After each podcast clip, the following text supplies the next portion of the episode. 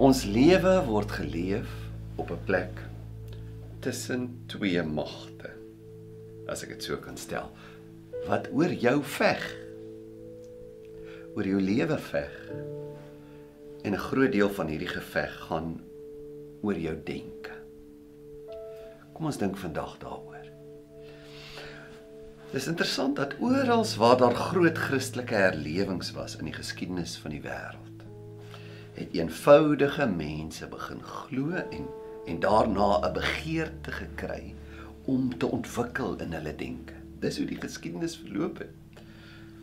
Saam met groot Christelike oplewings het daar dikwels universiteite en skole ontstaan. As jy na die geskiedenis kyk, dan sien jy die wetenskap, die kuns, tegnologie, die ontwikkeling van die denke van die mensdom is in 'n groot mate in die geskiedenis die produk of baie grootliks gekoppel aan die verkondiging van die evangelie. Waar God werk, ontwikkel mense in hulle denke. En vandag dink ons aan daardie geveg wat aan die gang is tussen God en die bose om jou reg of verkeerd te laat dink. Die geveg vir en van jou eie denke. Kom ons lees daarin 1 Petrus die eerste hoofstuk hoe hy hiervan praat vanaf vers 13. Wees daarom verstandelik wakker en nugter prepare your minds for action sê een vertaling om gord die lendene van julle verstand is eintlik wat letterlik daar staan en dis hoe die ou vertaling ook vertaal is ons gaan net nou de uh, vra wat dit beteken en vestig julle hoop volkome op die genade wat julle deel sal word by die wederkoms van Jesus Christus as gehoorsame kinders moet julle nie julle lewe inrig volgens die begeertes wat julle vroeër gehad het toe julle God nie geken het nie. Nee, soos hy wat julle geroep het, heilig is, so moet julle ook in julle hele lewenswandel heilig wees. Daar staan immers geskrywe: "Wees heilig, want ek is heilig." As Petrus hierdie woorde gebruik, "Wees heilig, want ek is heilig," sou hy as 'n Jood gedink het aan Levitikus. Trouwens hy haal dit direk aan. En hy as 'n Jood sou aan die Hebreëse woord gedink het al het hy in Grieks geskryf daar. En die Hebreëse woord is kadosh. Dis wat heilig is. Om afgesonder en eenkant gesit te wees. Nou sê hy, wees julle heilig soos God heilig is. Nou hoe is God eenkant gesit? In 'n sin kan ons nie heeltemal so wees nie want God is verhewe eenkant. So as Petrus sê wees heilig, bedoel hy wees ook eenkant. Nou nie verhewe eenkant nie. Soos God is nie, maar afgesonder. Meer afgesonder dat hy jou kan gebruik heeltemal syne, heeltemal tot sy beskikking, heeltemal aan hom oorgegee. Om my wil, my emosies, my denke geheel en al aan hom oor te gee. Te heilig, eenkant te sit vir hom vir sy gebruik. Nou ons Afrikaanse woord uh, vir heilig maak nie hierdie betekenis eenkant gesit heeltemal so duidelik nie, maar tog kom dit op 'n manier daarbey uit. Heilig kom van heel, dieselfde woord af. Geheel, heeltemal, heilig, heilig om heeltemal aan God te behoort. En dit is waaroor die geveg waaroor ons in hierdie reeks praat, gaan. God veg dat jy heeltemal heilig oorgegee eenkant gesit sal wees vir hom. En die bose veg dat jy nie heeltemal oorgegee of heilig sal wees nie. En vandag praat ons oor 'n deel van hierdie geveg, maar 'n baie groot deel van die geveg waar dit plaasvind in jou denke. So ek wil net oor twee dinge praat. Eerstens dat ons sal verstaan dat Christendom vereis dat jy jou verstand sal gebruik om te glo. En dan tweedens gaan ons praat oor 'n paar areas waar hierdie geveg van die verstand, dat die aanslae op ons denke vandag plaasvind. So kom ons dink hieroor. Christendom vereis dat jy jou verstand sal gebruik om te glo. Hoor weer wat sê Petrus. Wees daarom verstandelik, wakker en nugter. Prepare your minds for action. Om God die lendene van julle verstand sê. God kan nie die geveg om jou heeltemal met oorgawe aan hom te help leef wen as jy nie jou verstand, jou denke, jou begrip, jou rede onder sy beheer bring nie om God die lendene wat beteken dit in daardie wêreld waarin Petrus geleef het die Grieks-Romeinse wêreld het jy 'n lang kleed gedra met 'n gordel wat die kleed in die middel vasbind Maar as jy moet werk of veg of tot aksie moet oorgaan of hardloop, dan moet jy die onderste deel van hierdie kleed optel en binne in die gordel indruk. Dan is hierdie kleed nou omgord. Die gordel is om die kleed en dan is jy gereed vir aksie. En nou dis wat uh, Petrus hier sê. Kry jou denke gereed vir die geveg van die lewe of vir die wedloop vir die, vir die lewe. Sorg dat jou denke in hierdie gordel ingedruk is, die gordel van hoe God dink, nê? Uh jou verstand is omgordel. Verstand, watter woord gebruik hy daar? Dianoia is die Griekse woord. Dia is die Griekse woord wat deur beteken. En noia het met die nous, die rede te doen. Met ander woorde, deur die rede om dinge te deurdink sê Petrus. Dis hoe jy gereed is vir die lewe. Deur dinge goed te deurdink om jou hele denkvermoë in te span sodat jy in hierdie geveg wat plaasvind kan toelaat dat God en nie die bose nie. Jou denke beheer en jou lewe so kan laat uitwerk en in besit kan neem. Dat jy heilig kan wees eenkant gesit in jou denke tot God se beskikking en nie tot beskikking van die bose wat jou denke beïnvloed Sonder die inspanning van jou rasionele denke kan jy nie 'n Christen wees nie. Jou denke is 'n kritiese faktor, 'n kritieke faktor in die geveg van die lewe. Kyk wat sê Paulus in Romeine 10 vers 12 van die Jode. Hy sê hulle het 'n groot ywer vir God gehad, maar nie kennis nie. Hulle denke is verkeerd. Daarom kan hulle nie die plan van God met Christus in hierdie wêreld insien nie. Nou kom ons wees eerlik. In vandag se wêreld, die ongelowiges wat jy dalk ken, of jy's dalk self 'n ongelowige, moderne ongelowiges, sal geskok wees om te hoor wat ek vandag sê. Dat ek vandag sê dat nadenkendheid, diep refleksie, rasionele denke 'n kerneienskap van geloof is. Mense dink eerder Ja nee nee, geloof is die ander keuse. As jy nie rasioneel wil dink nie, dan kies jy geloof. Asof Christendom meerendeels met 'n soort van 'n innerlike iets te doen het, gevoel, 'n fase spirituele belewenis. Asof geloof slegs 'n opsie is of moontlik is vir mense vir wie die feite nie saak maak nie. Maar net innerlike intuïsies en belewennisse en ervarings of ou bygelowe en tradisies oor reg en verkeerd. Jy sien in vandag se wêreld is hierdie geveg aan die gang. Ons is beïnvloed alreeds om te dink geloof het nie so baie met verstaan en die denke te doen nie. Baie keer hoor ek dan mee praat mense met my sê, Ja, ek sukkel om te glo, glo want ek is 'n ou wat dinge bevraagteken en deurdink. Waar kom mense aan die idee dat denkers nie kan glo nie? Die Bybel se idee is heeltemal anders. Hoe meer jy dink, hoe beter sal jou geloof wees. Jy sien, daar's 'n geveg oor jou en vir jou.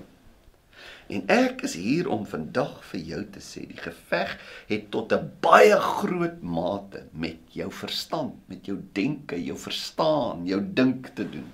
Geloof het nie net dit het wel met gevoelens te doen, met aanvoelings, met intuïsies, met belewennisse en besluite.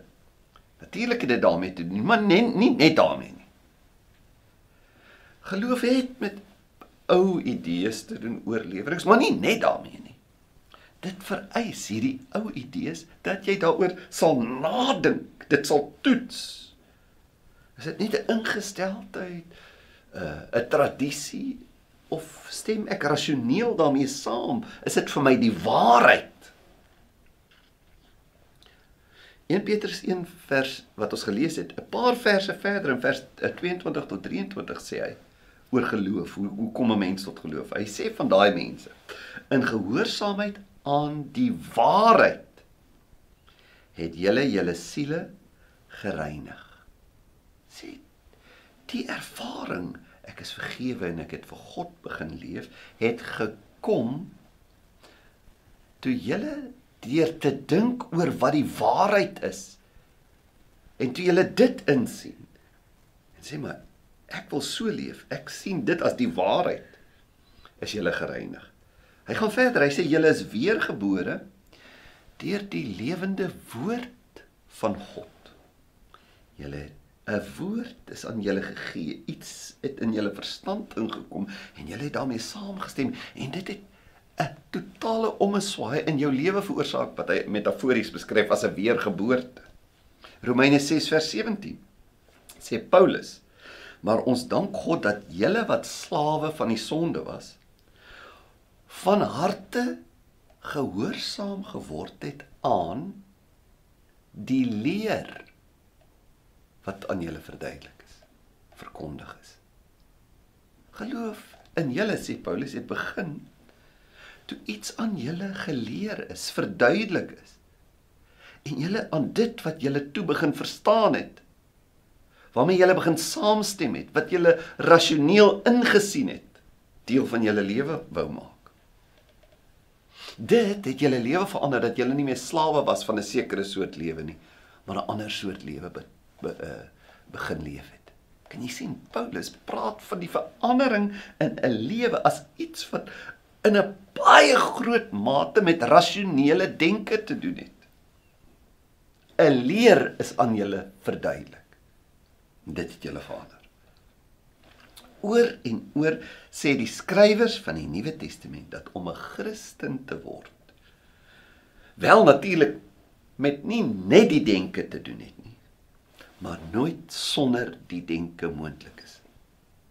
Natuurlik het geloof met die diep belewennisse, selfs intuïsies, die oorgawe van my wil, my besluite te doen, daar waar ek wil buig of aanbid of wag, ervarings het. Natuurlik wil God deur jou geloofslewe vir jou help om met gesonde emosies te leef en en nie beheer te word deur die wisselvalligheid van gevoelens nie. Maar sonder die verstand die denke die groot vraag wat glo ek regtig oor wat waar is. Wat sê ek? Wat dink ek oor wat die Bybel sê? Hoe leef ek met hierdie inligting wat voor my is? Sonder daardie klem is Bybelse geloof onmoontlik. Dis wat Petrus vir ons sê. Jy moet dit verstaan. Jou geloof het met jou denke te doen.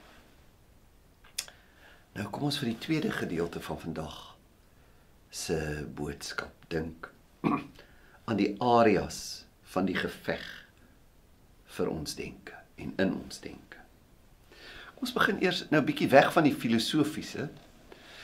Uh en ons maak dit net persoonlik. 'n Groot deel van die geveg van my denke, my rasionele denke kom in die stryd en die bekommernisse van die lewe. En Jesus sê dit daar in Matteus 6. En ek wil dit net vinnig noem voordat ons na die meer filosofiese stryd toe kom. Jesus sê as jy op plekke kom wat jy bekommerd is, oor gaan ek dit maak, moet jy iets doen. Hy sê daar in Matteus 6, gaan kyk na die skepping. Kyk na die voëls en vra vir jouself die vraag af. Hoe leef hulle? Is hulle net gehou outomatiseer of sorg iemand vir hulle? Dink daaroor. Hy sê gaan kyk na die na die blomme En dan sê let op, let op hoe hulle groei. En dan dink daaroor. Hoe dink jy oor die feit dat die skepping onderhou word? Wat is jou idee daaroor? Stem jy saam met die idee wat ek Jesus nou vir jou gee terwyl hy praat sê dat God daarvoor sorg? En as dit is hoe jy die skepping verstaan, dink jy nie dat 'n groot deel van jou angs het te doen met jou denke nie? Hy sê eintlik o, julle klein gelowiges, julle dink nie reg nie. Dieselfde ding sê Paulus in Filippense 4. Daar's 'n geveg in die bekommernisse van die lewe om jou verkeerd te laat dink. Vers 6 tot 7. Dis baie bekend. Hy sê moet oor niks besorg wees nie. Maar maak in alles, in al julle bekommernisse en sorges, julle begeertes deur gebed en smeking en met danksegging aan God bekend. En dan sê hy gaan iets met jou begin gebeur in die sorges van die lewe. Hy sê gaan daar die vrede van God wat alle verstand te bowe gaan. Met ander woorde, God se perspektief gaan hoe jy gewoonweg in jou angs dink verander. Dit gaan dit hoër vat. En dit sal oor julle harte en gedagtes waak of die wag hou. God gaan jou help in die angs van die lewe dat jou gedagtes hoër raak. 'n Vrede wat die gewone verstaan van dinge te bowe gaan. Jy gaan hoër denke ontwikkel. En dit gaan jou help dat jy kan glo. So dit is een van die areas van hierdie geveg, die stryd van die lewe. En as jy in die stryd van die lewe is, is dit wat ek vandag vir jou wil sê. Dink daaroor. Die Bybel het 'n boodskap. God het jou lief. Hy sê jou nooit los nie. Hy sal vir jou sorg. Jy is nie sommer net in 'n toevallige uh, plek nie. Die wêreld nie maar net tot stand gekom nie. Daar's 'n Skepper. Hy hou hierdie skepping in stand en hy sal ook vir jou sorg laat jou denke so ingestel wees. Maar daar's ook ander areas waar hierdie geveg plaasvind in ons denke wat ons wil verwar en ons geloof wil ondermyn. En een groot area is die gees van die tyd waarin ons leef. In die tyd waarin ons leef, is daar 'n geweldige aanslag op die idee in die Bybel en van die Christen geloof dat daar een waarheid is. Jy sien as dis waar die geveg is. Ja, die gees van die tyd is om weg te neig selfs van die vraag oor die waarheid. Dis lewende tyd die geleerdes sal sê van postmoderne dekonstruksionalisme. Wat beteken hierdie groot woord? alle waardes en idees oor wat reg en verkeerd is of waar of vals is is eintlik sê is in hierdie gees van die tyd net sosiale konstrukte dinge wat maar net deur die mens deur die samelewing self gevorm is daar is nie 'n bron van waarheid los van die mens en sy denke nie dis maar ons eie denke wat bepaal wat reg en verkeerd is waar of vals is Dis konstrukte van die mens self en is heeltemal relatief. Dis maar jy wat self besluit wat reg of verkeerd is. Daar moenie probeer uitvind wat die een ding is wat reg is of moenie verkondig daar is 'n reg of verkeerd of 'n waar en 'n vals nie. Hierdie postmoderne idee is dat hulle wat vir jou sê hulle het die waarheid wil eintlik net 'n mag oor ander mense uitoefen. Dis 'n magspel. Leef jy net met jou eie idees, jou eie begeertes, want waarheid is persoonlik en daarom is dit relatief. Reg en verkeerd kan nie objektief beoordeel word nie. Daarom kan ons nie na 'n bron soos die Bybel toe gaan nie. En vir die afgelope dekades, die 4 of 5 dekades, sê mense al hoe meer, daar is geen waarheid geen absolute waarheid, geen een waarheid, geen een bron van waarheid nie. Waarheid of idees oor wat reg en verkeerd is kom uit die mens self. En daarom is jy vry om te dink. Die idee dat daar 'n God is, dat die Bybel vir jou die waarheid kan bring. Dit sal jou verhinder om te dink. Ons verstaan nou dat alles relatief is. Daar is nie 'n bron van waarheid nie. Daarom moet ons ook nie ons morele waardes op mekaar probeer afdwing nie. Elkeen moet vry wees om te dink en te doen soos wat hy self meen vir hom reg of verkeerd of lekker is. Waar of vals is eintlik nie eens meer ter sprake nie. Dit is 'n absurde idee. As elke persoon kan doen soos hy wil. Dink nou mooi. Hoekom kan ek dan nie as ek wil vir jou probeer oortuig wat waarheid is nie, want dis hoe ek daaroor voel. Daar is 'n waarheid. Hoekom is jou idee daar is nie 'n waarheid nie belangriker as my idee oor daar is 'n waarheid as al ons idees gewig het, maar is maar dis net in myself. Nou kan ek ook mos doen soos ek wil, want dis wat vir my reg is. Dis nie vir my verkeerd om 'n uh, 'n waarheid te hê nie en daarom wil ek jou daarvan oortuig. Dis kan jy sien die absurde idee dat ons mekaar nie met oortuig nie, want dis juist waarvan jy my probeer oortuig. Ek wonder of jy verstaan wat ek probeer sê. Dis die wêreld waarin ons leef raak al hoe minder rasioneel. Nou voeg hierby die sogenaamde wetenskaplike materialisme die verstaan van wat ons nou noem die skepping maar net hierdie verstaan is nie daar's 'n skepping iets is geskep nie iets het net tot stand gekom en jy's net die produk van 'n toevallige natuurlike proses dis die geveg van hierdie tyd waarin ons leef jou gedagtes is daarom ook net 'n natuurlike proses wat 'n produk van hierdie groot totstandkoming wat eintlik maar toevallig eintlik 'n soort van 'n ongeluk is. En daarom is daar kan daar nie eintlik 'n rasionaliteit wees nie. Rasionaliteit is maar net 'n klompie molekules, sogenaamde rasionaliteit wat rondspring in jou kop. Jou idees, jou geloof, jou gewete, jou emosies het alles maar net biologiese oorsake. Materie, energie, Dis eintlik al wat bestaan. Vergeet van die Bybel. Vergeet van 'n mag, 'n bron buite hierdie toevallige totstandkoming van alles wat bestaan. Dit dit bestaan nie. Ehm uh, vergeet veral van die Bybel. Want dit is maar net 'n produk van mense wie se biologie hierdie idees in hulle brein tot stand gebring het. Kiesie, dis ook weer absurd. Hoe kan ek jou glo, meneer die ateïstiese wetenskaplike? Hoekom moet ek glo wat jy sê? Want as dit waar is wat jy sê, dan is ook jou afleidings van jou wetenskaplike bevinding bevindinge mos alles net deel van 'n toevallige lukrake chemiese beweging in jou kop.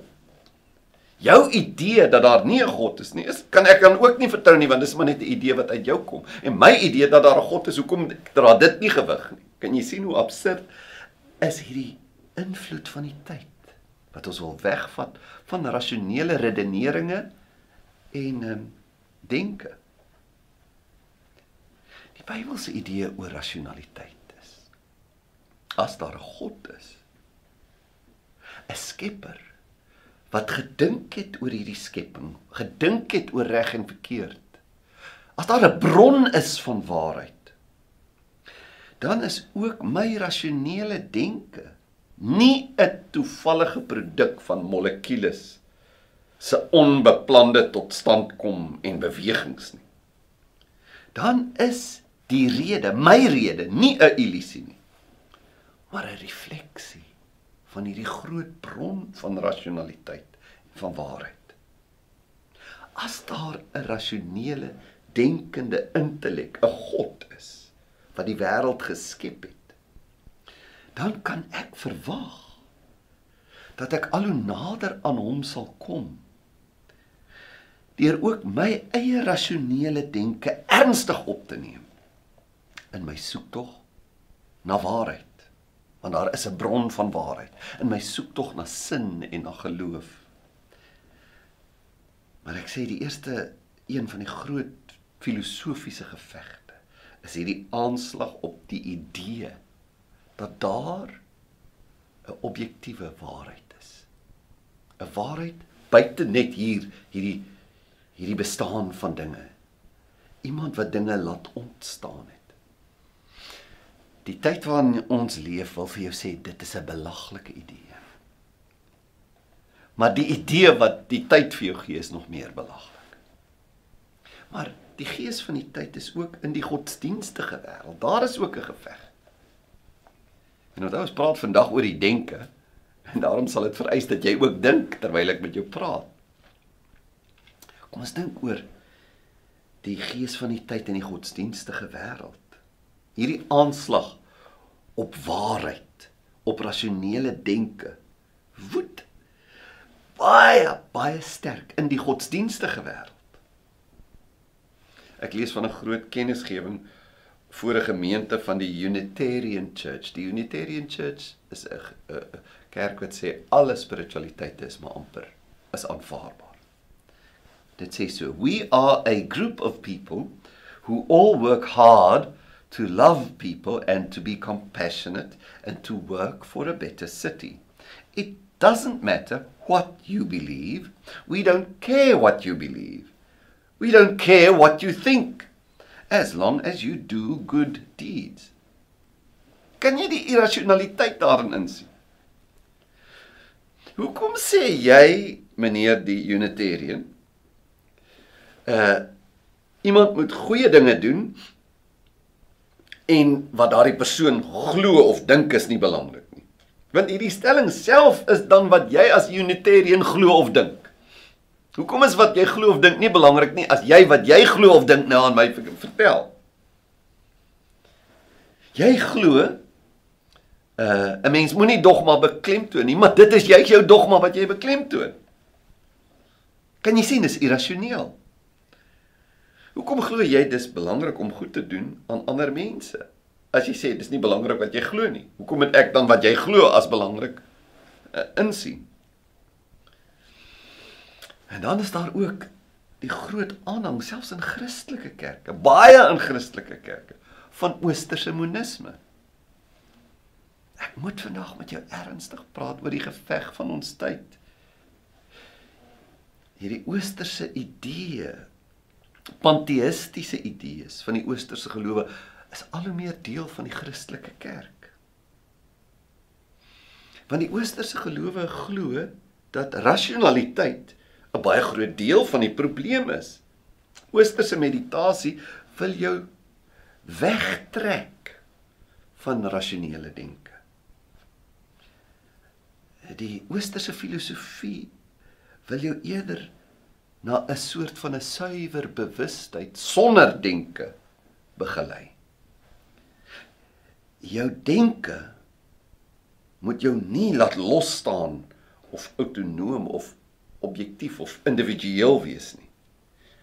En die oosterse idee is nee nee nee, jy wil ontslaa raak van jou individuele denke en eerder probeer saamsmelt in 'n soort van bewustheid met alles wat bestaan. Hou moenie analise wees nie, hou moenie individualiteit wees nie. Word net deel van 'n groot soort spiritualiteit, 'n groot stuk eenheid in die mensdom en en in die plante ryk en die diere ryk en in die eintlik die heelal. Alles is eintlik een groot stuk bewustheid. En dis al ook wat die Christelike idee van 'n Christus idee eintlik is. Ja, die afsonderlike persoon Jesus Christus wat gebore is en gekom het en 'n idee verkondig het en iets kom doen het, is nie eintlik so belangrik nie. Dis hierdie eenheid. Dis 'n kosmiese iets. Dis eintlik al wat Christus is. Hy is jy, jy is hy. Hy is alles. Jy is alles, alles is jy. Kan jy sien dit's ver weg van rasionele denke af. Uh maar die Bybel maak God los van sy skepping. Die Bybel maak van die wêreld nie so vaar eenheid nie.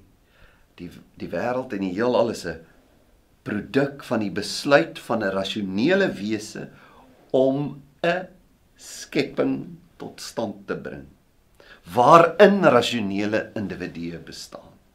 Enige iets wat jou wil wegvat van denke en rasionaliteit is nie deel van die Bybelse boodskap nie. Maar nie net met hierdie invloed van oosterse denke is daar 'n geveg nie.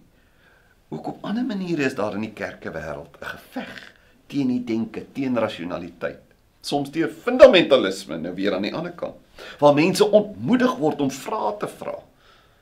Aangemoedig word om selfs die dele in die Bybel waar primitiewe idees eintlik deel van die teks is, maar nie deel van die kernboodskap nie. Maar selfs daai primitiewe wetenskap onwetenskaplike idees as waarheid te sien. As die Bybel sê die aarde het fondasies, dan is dit so. Ek gee nie om watter fotos uit watter ruimtetuig geneem is nie, die aarde is plat. En daar is vandag nog sulke mense. En in baie forme kom hierdie fundamentalisme voor. Dis hantering van die skrif wat op 'n manier wegneig van denke.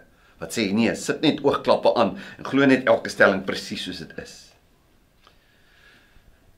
en maar soms ook deur fanatisme gaan ons weg van van van rasionele denke af. Wanneer my belewenis nie bevraagteken word nie. Wanneer emosie en katarsis oorbeklemtoon word. En my subjektiewe gedagtes word baie maklik gesien, o, dis God se stem. Natuurlik kan God praat, maar daar is 'n soort fanatisme wat wat wegneig van rasionele denke af of ook soms die oorbeklemtoning van rituele in die kerkewêreld. Rituele is belangrik, maar wanneer denke weggaan, wanneer preke al hoe korter word, sommer net 5 minute ietsie en die en die kathedraal en die argitektuur en die kersse en die klanke en die en die liturgie is die belangrike ding. Nou al hierdie goeds belangrik, maar as denke ondermyn word en kwyn, dan gaan ons weg van die geloof van die Bybel af. Daar is 'n aanslag in vandag se tyd teen reg dink. En dan laastens wil ek sê, en dit is vir my so belangrik dat jy hoor vandag en en verstaan daar's 'n geveg. En ek dink die heel groot deel van die geveg van vandag is 'n aanslag op die skrif, op die Bybel self. Al hoe meer is die gees van die tyd en sê moenie die boek so ernstig opneem soek eerder 'n soort van 'n persoonlike spiritualiteit. Hierdie soeke na 'n boek en sy boodskap en selfs 'n persoon en sy boodskap. Spiritualiteit is eintlik jou soeke. Spiritualiteit red nie, Jesus red. Kyk wat het Jesus gesê. Johannes 8 vers 30. Uh hy sê vers 31 sê en Jesus sê vir die Jode wat aan hom geglo het, as julle in my woord bly, is julle waarlik my disippels. En julle sal die waarheid ken. En die waarheid sal julle vrymaak. Daar is 'n geveg oor jou denke oor die Bybel, oor God se woorde. Hoe meer jy die skrif toelaat om jou denke en jou gedagtes te bepaal, om jou oortuigings te bepaal oor reg en verkeerd, oor moraliteit om die gesag te kry oor hoe jy dink. Selfs dink oor die idees van die tyd waarin jy leef. Hoe meer jy die Bybel toelaat om jy, hoe jy dink te bepaal hoe vryer sal jy wees. Dis wat Jesus sê. As jy die waarheid ken wat ek verkondig as jy hierdie waarheid ken sal dit jou vrymaak. As jy bly in my woorde dis wat Jesus sê daar lê vryheid. Daar's 'n geveg wat jou wil wegvat hiervan. Hoe meer jy die skrif toelaat om jou gedagtes te bepaal, hoe vryer sal jy wees. Miskien kyk jy vandag en jy het dalk Christendom verlaat omdat jy gesê het ek wil vry wees in my denke. Jesus sê vir jou, jy kan nie vry wees as sy woorde nie die primêre bepaler is van hoe jy dink. Jy is nie vry nie. Hoe meer 'n mens wil vrykom van wat die Bybel sê, hoe meer sal jy 'n slaaf word van die denke en die verdwaaldheid van die tyd waarin jy leef. Miskien sê jy jy die kerk verlaat omdat jy vry wil wees. Jy het vry geword in jou denke, die kinderskoene van geloof in die Bybel ontgroei. Ek wonder of jy nie weer wil dink nie. Want Jesus self verskil van jou. Hy sê jy's nie vry nie. Dink weer oor wat Peter sê as ons hier na die einde van vandag toe kom. Wees verstandelik nugter. Prepare your minds for this fight for action. God wil jou heilig. Hy wil jou eenkant sit van die tyd waarin jy leef selfs. Dis wat Jesus gebid het in Johannes 17. Hy vra vir sy Vader, heilig hulle in u waarheid. U woord is die waarheid. As jy met die idee van die tyd wil saamgaan, jy's vry om dit te doen, maar jy moet weet jy verskil radikaal van 'n persoon wat gebore is, Jesus Christus, en hoe hy oor die lewe gedink het. Jesus sê God se woord self is die bron van waarheid. Die aanslag op die Bybel is 'n aanslag op die belangrikste idee waarmee jou denke te doen moet kry, naamlik 'n boodskap wat in daai boek is, die evangelie. Daar's 'n aanslag wat 'n geveg wat wil hê jy moet dit nie hoor nie. Jy moenie glo dit gaan jou hele lewe bepaal en verander nie. Om die basiese boodskap van die Bybel te glo, te hoor. God drie-enig is 'n wonderwese van liefde, verhouding, skependheid. Vader, Seun en Heilige Gees. Die boodskap van hierdie boek is dat uit hierdie goddelike wese wat als geskep het, is 'n besluit uit 'n besluit gekom dat hy in hierdie wêreld sal inkom as die seun wat uit 'n maagd gebore is deur die Heilige Gees om hierdie wêreld te besoek en te verander. Hierdie seun is gebore, hy het gelewe soos geen mens ooit geleef het nie. Hy het gepraat soos geen mens ooit gepraat het nie. Hy het gesterf soos geen mens ooit gesterf het nie. En die boodskap is dit was in jou plek. En hy het weer lewendig geword en wil lewe en teenwoordig wees in jou lewe en denke. Ek ek ek maak 'n beroep op jou om te vra. Wat dink jy oor hierdie boodskap? Hierdie boodskap moet of 'n belaglike, selfs veragtelike, verwerplike leuen wees, 'n misleiding. Of as dit nie dit is nie, dan is dit die grootste waarheid wat bestaan. die boodskap van die Bybel, die kernboodskap, die evangelie, die koms van Jesus en wat hy kom sê en doen het. Dit moet jou laat dink. Dit moet sê ek moet die lendene van my verstand omgord as ek tot aksie wil oorgaan met my lewe. Jy het nie 'n keuse nie. Jy moet dink oor hierdie boodskap. Jy moet dit of verwerp. Heeltemal verwerp of jy moet sê nee. Dit is hoe ek wil dink oor die lewe. Daar is 'n geveg vir jou gedagtes. En ek wil afsluit met die vraag: Wie gaan jy toelaat om hierdie geveg te wen? Kom ons bid. O Here, ons weet dit. Daar is 'n groot geveg vir en in ons gedagtes. Ons leef in 'n tyd waar daar ook 'n groot aanslag is op hierdie idee, hierdie boodskap dat daar 'n waarheid is. Dat daar 'n God is wat die wêreld geskep het en wat 'n boodskap het vir hierdie wêreld en dat daardie boodskap in 'n boek vervat is uit God se pad met mense. Here ons weet daar's 'n geveg wat vir mense wil sê moenie glo dat Jesus gekom het en dat daar 'n God is en dat hy jou lewe en jou denke wil verander. En ek bid, Here, dat U die geveg sal wen. Veral in mense se lewe wat nou twyfel. Trek hulle, Here, in Jesus naam.